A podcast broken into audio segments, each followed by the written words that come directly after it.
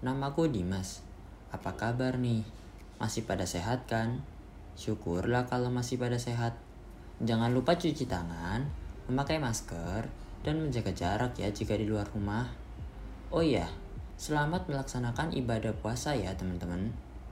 Nah, kali ini aku mau membahas tentang updatean iOS 14.5 nih teman-teman.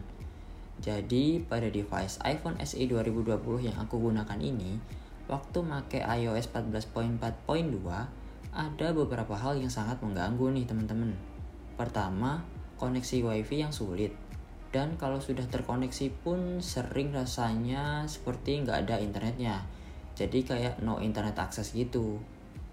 Jadi hampir sebulan aku ngandelin pakai data doang karena wifi susah connect dan kalau bisa connect pun sering no internet access. Kedua, daya tahan baterainya tuh boros banget. Padahal dulu aku pernah nyoba iPhone SE 2020 punya temanku selama beberapa hari, itu baterainya masih awet-awet aja. Untuk pemakaian standarku loh ya. Tapi entah di iPhone SE 2020 ku kok rasanya boros sekali. Nah, Aku sebenarnya sudah nunggu cukup lama sih update iOS terbaru lagi. Dan akhirnya tadi pagi waktu sahur ada notif update iOS 14.5. Langsung deh aku update. Dan setelah aku update, sejauh ini kurasa baterainya udah nggak boros lagi. Lalu connect wifi juga gampang dan koneksinya juga cukup lancar. Intinya problem iPhone SE 2020 ku waktu di iOS 14.4.2 tuh sudah solve lah ya. Nah, waktu update aku sempat baca pembaharuan apa saja sih yang diberikan dan dibenahi. Ternyata beberapa fitur baru menurutku sangat berguna. Yang pertama, pengkalibrasian ulang baterai pada device iPhone 11.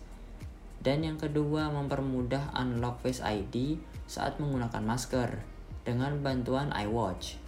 Nah, kalau yang kedua ini khusus untuk device yang sudah menggunakan sistem unlock Face ID ya teman-teman. Dan menggunakan iWatch juga. Minimal iWatch seri 3 lah. Dan sudah menggunakan minimum OS 7. Dua poin ini menurutku sangat berguna untuk pengguna iPhone sih. Jadi buat kalian yang make iPhone 6s ke atas, Jangan ragu untuk update ke iOS 14.5 ya.